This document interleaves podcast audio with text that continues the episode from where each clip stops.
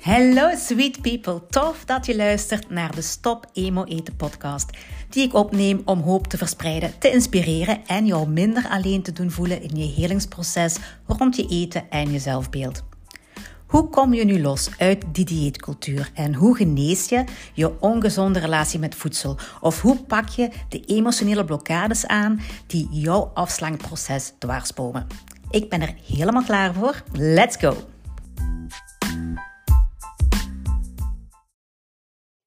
Hoi, ik ben Lenny en je luistert naar aflevering 10 van de Stop Emo Eten podcast. En de aflevering van vandaag heet Het verhaal van de rode schoentjes. En ik ben er zeker van dat je dit verhaal kent van de rode schoentjes van misschien in de Efteling. Uh, daar staat het verhaal aan het heel begin van het Sprookjesbos. Uh, waarom ga ik een, een, een verhaal vertellen en daarna het verhaal samen met jullie analyseren. Dat is omdat verhalen zoveel bevatten, zoveel wijsheid bevatten, zoveel, ja, en, en nog op, op een speciale manier ook. Hè. Als iemand u iets zou zeggen of u advies zou geven of hè, zomaar direct tegen jou iets zou zeggen, dan zou je dat niet altijd aannemen. Dan, ja, ik weet niet, maar als je dat in een verhaal hoort, dan zet dat je aan het denken, waardoor dat het lijkt alsof jij de, het advies zelf vindt in het verhaal, waardoor dat je het beter aanneemt. En verhalen kunnen echt werken als medicijn. Verhalen zijn ook al, ja, zijn ook de, al eeuwen, eeuwen, eeuwen oud. Vroeger werd alles al vertellend uh, doorgegeven. Dus verhalen zijn, zijn zo, van een zo onschatbare waarde. Maar vooral bij onderwerpen waar we geen vat op lijken te hebben. Bijvoorbeeld emotioneel eten, overeten, te veel eten enzovoort. Hè. Dingen waar we geen vat op lijken te krijgen, die kunnen dankzij een verhaal duidelijkheid krijgen.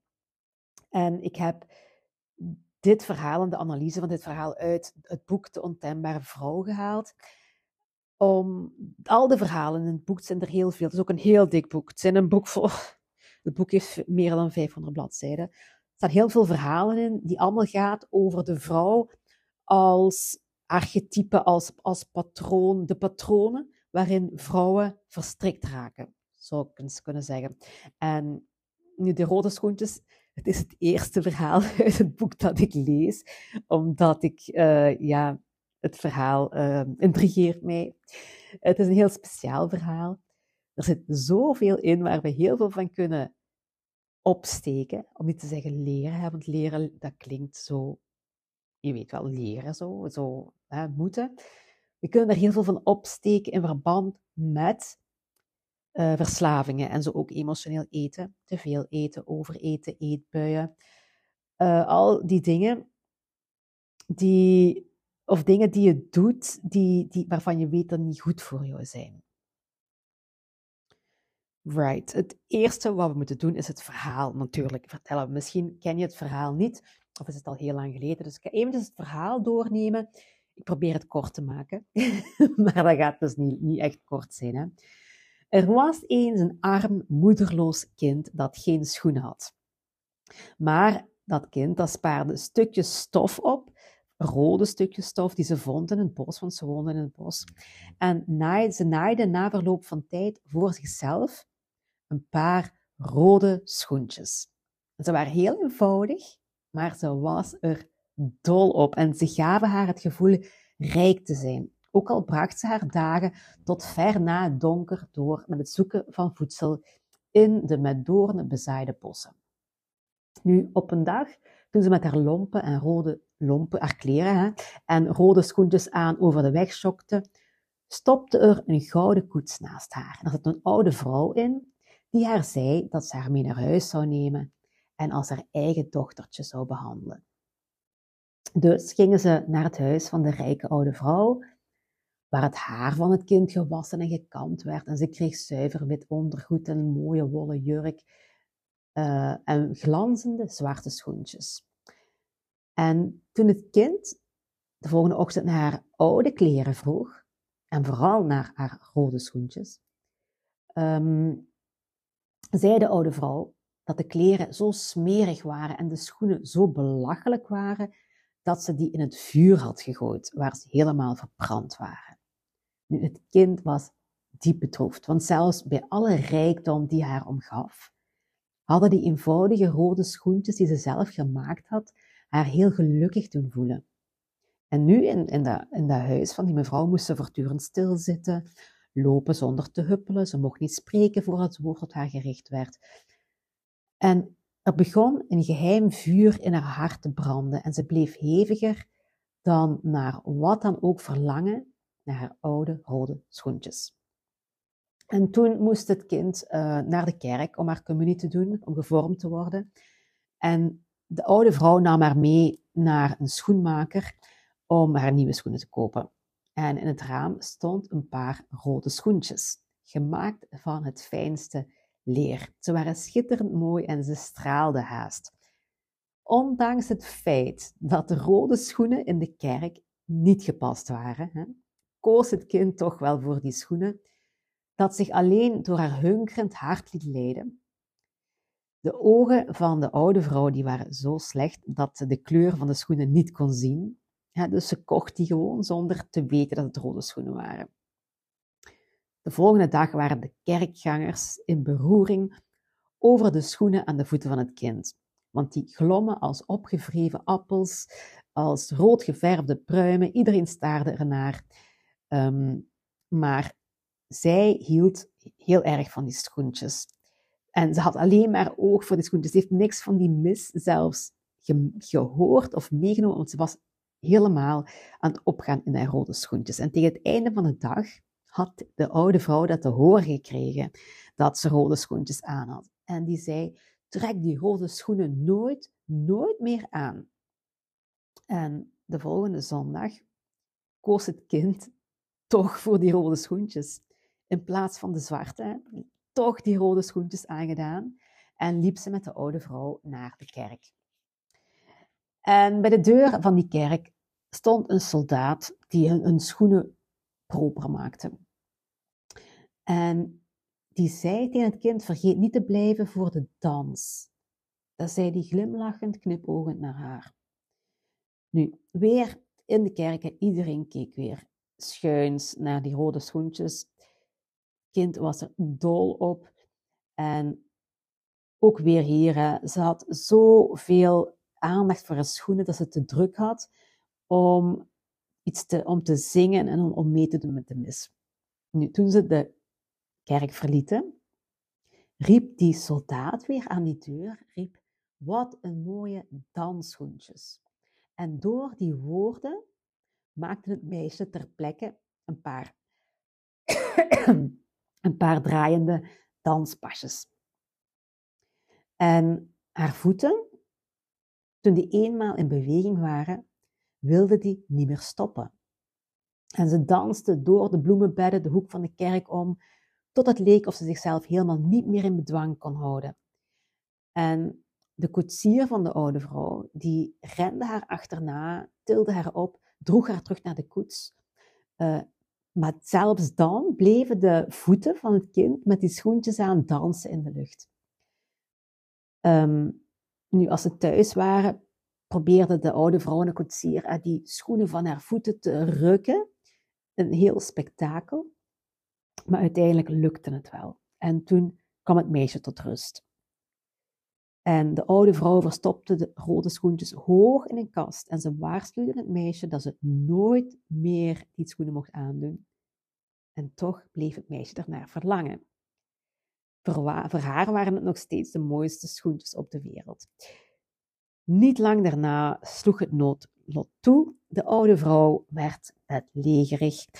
En zodra dat de dokters weg waren, sloop het meisje de kamer in waar de rode schoentjes in de kast stonden. En ze keek naar de schoentjes die daar zo hoog in de kast lagen. Ze begon ernaar te staren en krachtig naar te verlangen, zo hevig dat het meisje toch de schoentjes uit de kast pakte en aantrok. Maar zodra haar tenen en hielen de schoenen raakte, werd ze bevangen door de behoefte om te dansen. En ze danste de deur uit, de trap af, ehm, met een lange gedurfde wals. Ze was verrukt en ze besefte niet dat ze in moeilijkheden verkeerde. Tot ze naar links wilde dansen en de schoentjes met alle geweld naar rechts wilde gaan. En toen ze rond, uh, toen ze rond wilde dansen, wilde de schoentjes met alle geweld recht vooruit. En terwijl de schoenen het meisje deden dansen, in plaats van dat het meisje de schoenen deed dansen, voerde ze haar dansend regelrecht de weg af, de modderige velden door, het donkere, sombere bos in.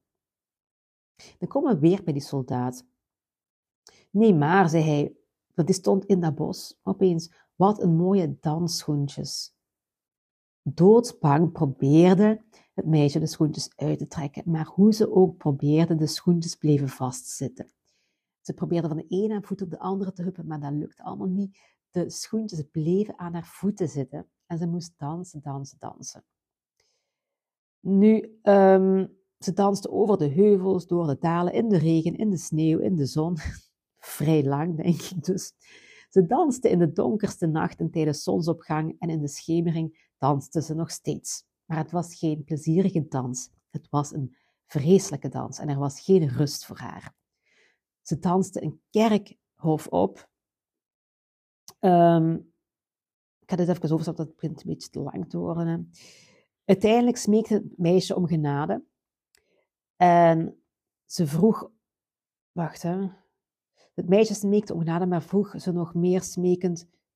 Maar voor ze nog meer smekend kon uitbrengen, droeg haar rode schoentjes er weg.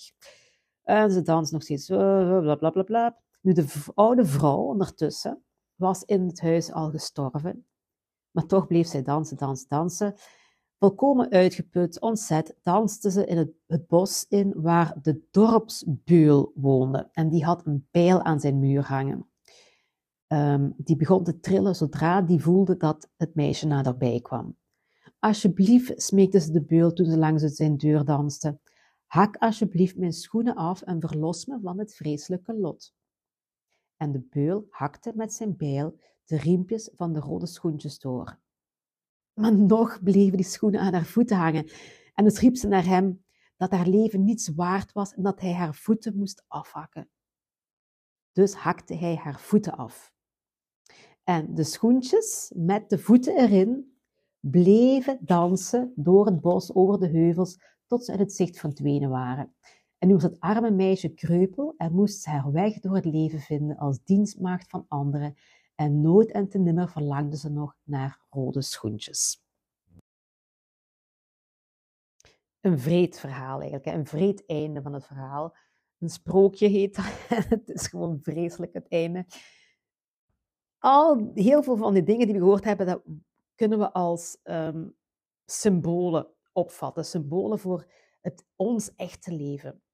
Um, ik heb hier een, drie, vier, vijf, zes dingen opgeschreven. De grote, de grote dingen in het verhaal. Um, dat symbool staan voor iets. En ten eerste heb je de handgemaakte rode schoentjes, hè, waar het allemaal mee begint. Die staan symbool voor een zinvol leven. Het zinvolle leven van het meisje wordt ook haar ontnomen. En dan begint alles in duigen te vallen. Hè. Nu, um, de voeten van het meisje, die worden afgehaakt. De voeten zijn onze basis, hetgeen waar we op staan. Het, het, ons fundament. Ons fundament als mens, ons instinct. Uh, het fundamentele van onszelf. Onze uh, authenticiteit bijvoorbeeld. En dan ten derde de grond, want, want de voeten van het meisje staan normaal gezien op de grond, maar die voeten worden weggekapt. En de grond, dan zit ze echt aan de grond. dieper dan de grond. ze is de grond onder haar voeten kwijtgeraakt eigenlijk. Dus ook dat staat weer symbool. Want ja, dat is een heel pijnlijk moment, zowel voor dat meisje in de verhaal, veronderstel ik, als voor ons. Als wij de grond onder onze voeten kwijtraken, dat is meestal de, de, een crisis. Dat is, dat is een pijnlijk moment, maar ook het begin van nieuwe groei. In de grond zitten wortels en die groeien en, en ehm, het symbolische daaraan, of wat ze ons daarmee willen vertellen, is dat het oké is om, om te mislukken, hè, om aan de grond te zitten. Uh, luister naar wat je geleerd hebt en leer daar dan van. Is wat ze willen zeggen. Want uiteindelijk, het verhaal stopt hier. Maar we gaan er dus van uit, ik toch, dat de voeten van dat meisje terug zullen aangroeien, beetje bij beetje, uh, door de jaren heen, tot ze terug zichzelf kan zijn. Um,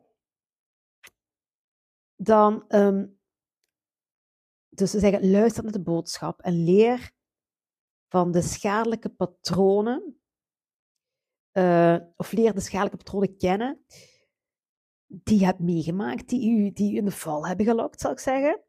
En ga dan verder met de kracht van iemand die de valstrikken kan ontwaren voordat hij erin stapt.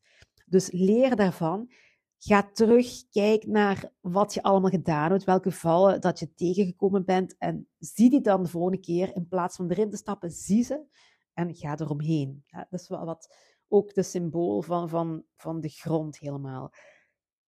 Dan, het meisje zelf staat ook symbool voor wat? Voor ons allemaal.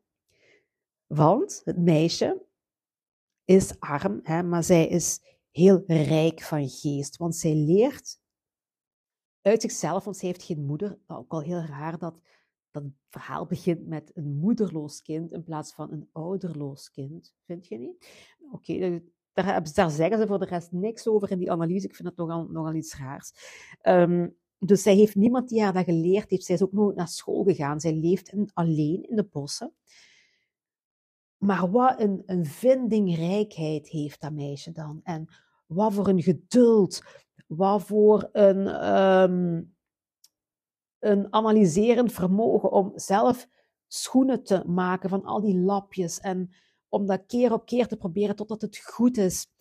Dat is, hè, het gaat hier over de ontwikkeling van dat kind. Dat kind gaat vooruit. En dat is een symbool voor ons allemaal, want in het leven gaan wij ook allemaal vooruit. Dat is de hoop toch. Dat voelt misschien niet altijd zo, maar we gaan altijd vooruit. Um, nu, die handgemaakte rode schoentjes, even terug daarnaar. Al, dat voor het zinvolle leven. maar dat is ook voor haar ontwikkeling. Want zij heeft zichzelf zo ontwikkeld van een, een kind dat nooit iets heeft geleerd, naar, naar haar, zichzelf iets leren. En zij is daar zo blij mee. Dat is, dat is een bron van vreugde. Dat is iets waar ze trots op is. Dat staat ook voor haar eigen waarde. Dat is één ding. Staat nog voor veel meer. Wacht maar. Dat staat ook nog voor een redder te zijn uh, van bijvoorbeeld de dood. Want in, in, um, dit is een heel oud verhaal. En in de cultuur vroeger van die koude noordelijke landen was het heel belangrijk om je voeten warm en droog te kunnen houden. Dat betekende dat je kon overleven, want zonder, ja, als ene keer je voeten nat en koud zijn, dan, dan kon je sterven. En het was daar ook vroeger, um, als je het enige paar schoenen van iemand stal, dan stond dat gelijk aan moord. Omdat dat zo gevaarlijk was om met blote voeten rond te lopen. Dus eigenlijk heeft dat, heeft dat kind zichzelf ook gered van de dood door die schoenen te maken. Dan die schoenen zijn ook een metafoor voor bescherming. Bescherming van onze voeten, maar met onze voeten lopen we. Dus eigenlijk staan de schoenen symbool voor het beschermen van je vrijheid. Of van je staande te houden, want je staat in je schoenen. Is ook standvastigheid. Dus als die schoentjes van haar ontnomen worden, dan verliest zij vreugde, eigenwaarde, bescherming, standvastigheid. Zij verliest heel veel door die schoenen. Hè? Maar nog, nog hetgeen, nog net iets, iets groters, staan de handgemaakte rode schoentjes symbool voor bewustzijn. Ja, je hoort het goed. We gaan ver. We gaan heel ver. Hè? Bewustzijn. Het kind is eerst onbewust. Ze loopt rond in het bos, naar de grond kijkend, zoekend naar eten en ze loopt maar rond en rond en rond. En dat is haar leven. Maar ene keer als ze met die schoenen bezig is, dan heeft ze een doel. Dan gaat ze zich ontwikkelen. Dan gaat ze vreugde vinden. Dan gaat ze voldoening vinden. Ze, ze gaat zichzelf eigenlijk bevrijden uit haar onbewust leven.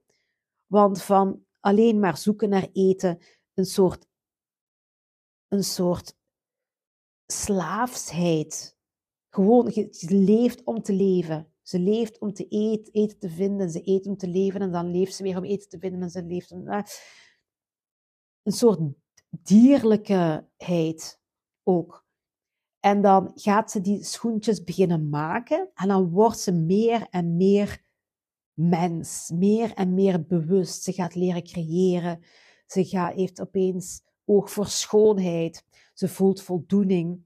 En stel je nu voor dat het kind niet in die gouden koets stapt, dan zou ze waarschijnlijk met haar tijd weer nieuwe schoentjes maken als haar, schoenen, als haar voeten gegroeid waren of als ze meer stuk lapje stof had gevonden.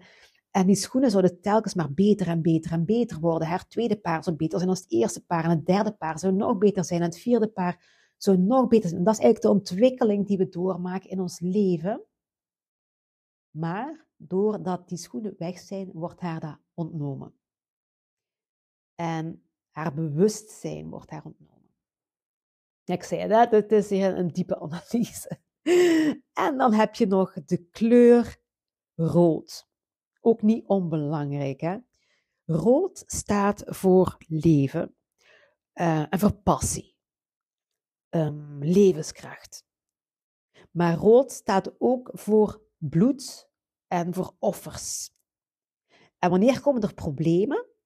Wanneer je te veel gaat opofferen om nog vreugdevol te kunnen leven. En dat is wat het kind doet door in de koets te stappen. Ze geeft te veel op van haar vreugde. Ze heeft daarna geen vreugde meer. Ze heeft heel veel opgegeven.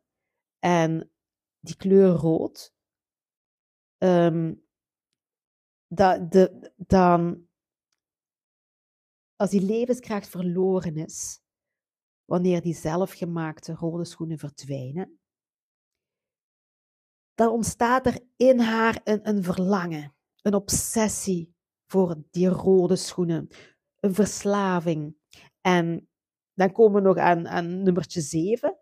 Een nieuw soort rood. Het rood van de nieuwe schoenen, van de leren schoenen, van de echte schoenen. Die staan dan weer symbool voor iets dat geen bezieling heeft.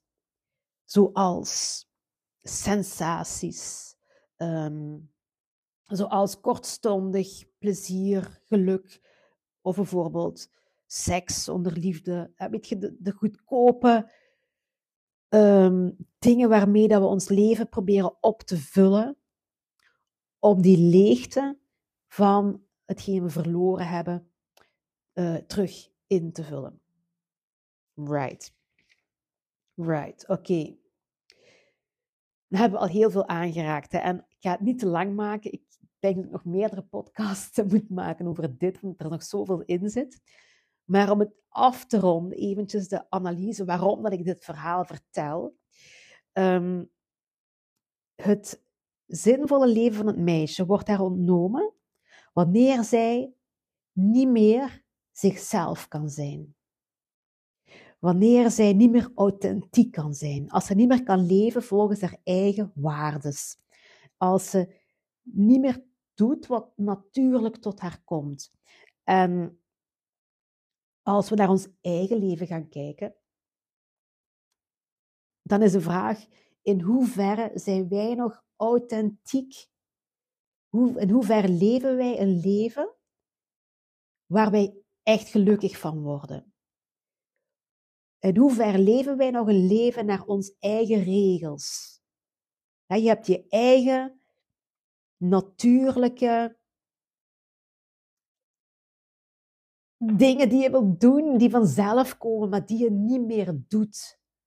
Omdat je in een soort stramien wordt geduwd. Omdat je in een soort slaafsheid gaat leven. Omdat er nu eenmaal geld uh, moet zijn en er moet een brood op tafel komen en je hebt verantwoordelijkheden en je kan niet zomaar meer doen wat je wilt en je moet je aanpassen.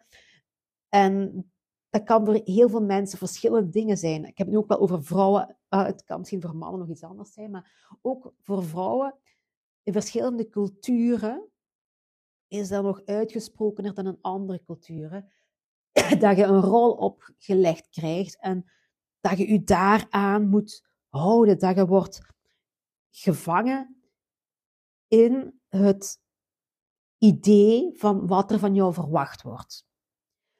En dat je je eigen natuurlijke instincten gaat negeren, gaat wegduwen, want die passen niet in het verhaal of die passen niet in wat hoort, wat, hoe een vrouw hoort te zijn, bijvoorbeeld. We verliezen onze authenticiteit. We verliezen um, beeld van wie dat we echt zijn. En dan komt er miserie. ja, dan komt er miserie. Want eens we dat kwijt zijn, dan gaan we op zoek om die leegte op te vullen. Er ontstaat een grote leegte als we het zinvolle in ons leven kwijt zijn. En uh, ik vraag altijd aan, aan, mijn, aan mijn patiënten of aan mijn klanten, van wat deed jij graag als kind? Wat waren jouw hobby's? Wat, wat deed je graag als je thuis zat? Het was zaterdag, wat, wat was je dan aan het doen? Ik was altijd aan het kleuren of, of aan het tekenen of aan het dansen of aan.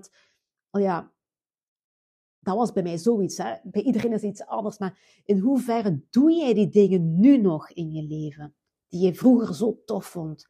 Doe je dat nu nog? Kom je nu nog in die flow van, van vroeger? Van als kind zijnde. Waarin je alles vergeet, waarin je de tijd vergeet, waarin je helemaal kan laten gaan, waarin je helemaal opgaat, waarin je iets kan creëren, waar dat je helemaal vol van bent voor dat, voor dat in het hier en nu. Ehm, nu, als je dat niet meer hebt, dan staat er een leegte. En een hevige honger om die leegte op te vullen. Je gaat die grote leegte gaan proberen te vullen met iets anders, want je kan jezelf niet zijn. Dus je moet gaan zoeken naar een surrogaat, naar um, iets ja, fakerig, hè, die sensatie waar we het straks over hadden met, die, met de nieuwe rode schoenen. Um, je zoekt naar een kortstondig plezier, een opkikkertje, om je eventjes uit de realiteit te trekken. Um, je gaat je daaraan vastgrijpen. Dat kunnen zelfs dingen zijn die niet werken.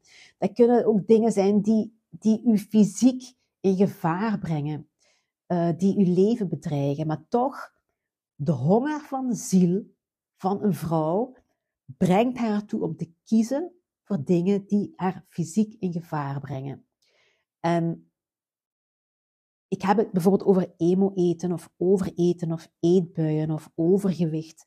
Te veel wegen, er niks aan kunnen doen, er niet in slagen om iets aan overgewicht te doen. Overgewicht is eigenlijk een fysiek gevaar. dat brengt uw gezondheid in gevaar, maar je kan er niet uit geraken. Daar gaat het hier over. In, in, mijn interpretatie gaat het erover. Je kan het op heel veel. Je kan dit verhaal uh, met alle soorten verslavingen uh, vergelijken. Ja? Maar voor mijn podcast hebben we het even over eten en afslanken en emo-eten en al die dingen.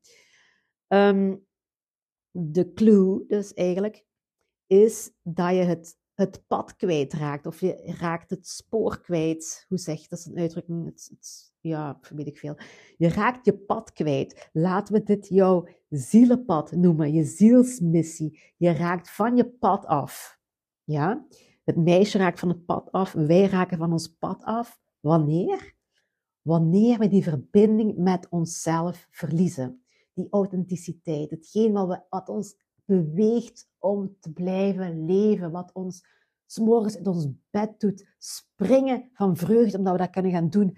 ons bewustzijn, als we ons bewustzijn kwijtraken en we worden onbewuste slaven die leven om maar in het, in het um, dingen te passen van de maatschappij. Hè?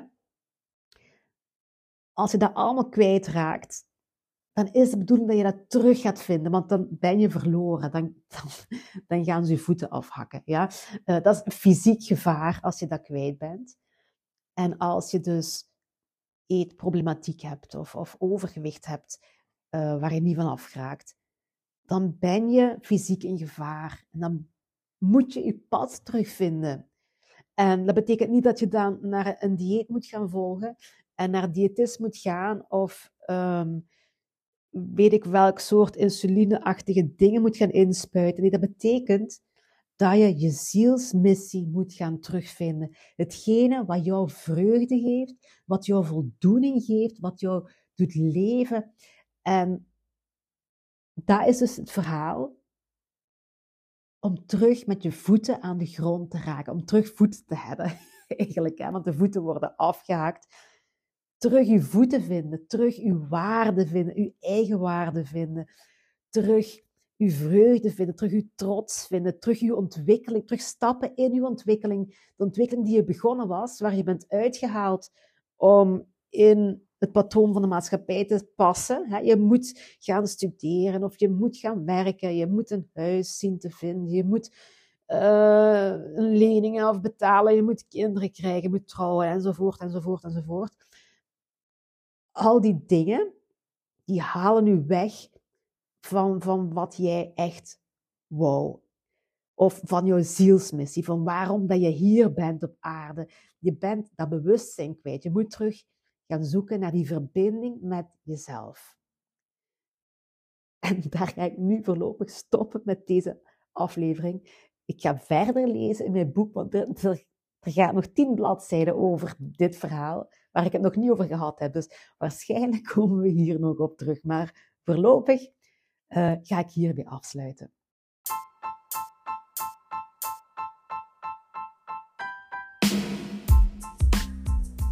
Sweeties, dankjewel voor het luisteren. Vond je het interessant of ken je iemand die hier iets aan kan hebben? Dan kan je twee dingen doen. Maak een screenshot. Tag me op Instagram en zo kan jij iets betekenen voor anderen. En ik vind het ook gewoon heel leuk om te weten wie er luistert. En Eén dingetje nog. Ik hou deze podcast gratis om zoveel mogelijk vrouwen te kunnen bereiken en te helpen. En jij kan dan ook nog één dingetje voor mij doen. En dat is naar iTunes gaan. Zoek de podcast en laat een korte review achter. Uh, want hoe meer reviews, hoe makkelijker de podcast te vinden is voor anderen. Alvast thank you, thank you, thank you. En tot de volgende.